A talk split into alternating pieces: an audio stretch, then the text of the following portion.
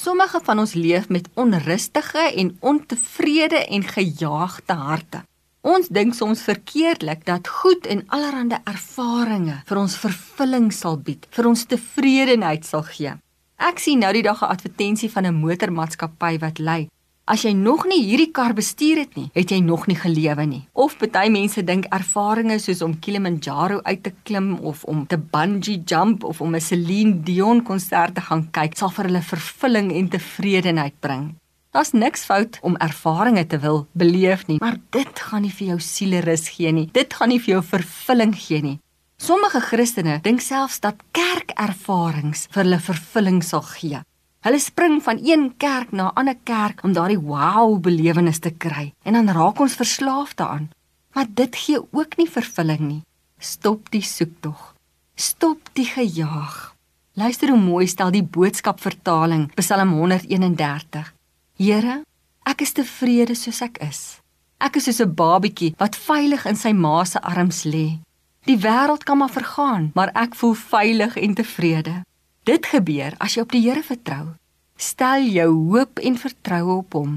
Hy sal jou altyd veilig laat voel. Ja, hierdie is 'n vertrouenspsalm.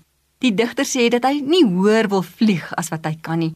Hy verstaan sy eie vermoëns en beperkings. Teenoor 'n gejaagde en onvergenoegde lewe, verkies hy eerder kalmte by God soos 'n kindjie wat by sy moeder vrede gevind het. Ja, die antwoord vir lewenstevredenheid, vir lewensvervulling is 'n stil vertroue op die Here.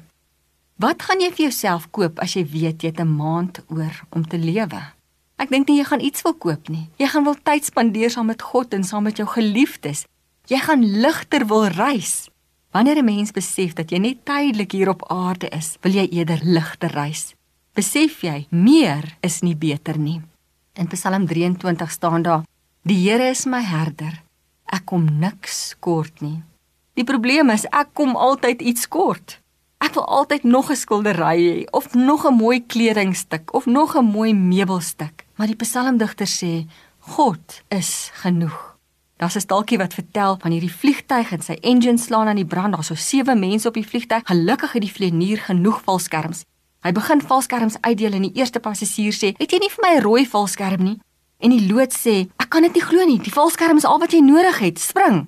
Die tweede persoon sê: "Ek het hoogtevrees. Het jy nie vir my ou pilletjie nie?" Die loods sê: "Vat die valskerm. Dis al wat jy nodig het." En so gaan dit aan tot die loods later uitroep: "Julle mense verstaan nie. Ek gee vir julle 'n valskerm en dit is genoeg." Kom tot ruste by God se voete. Hy gee ware tevredenheid.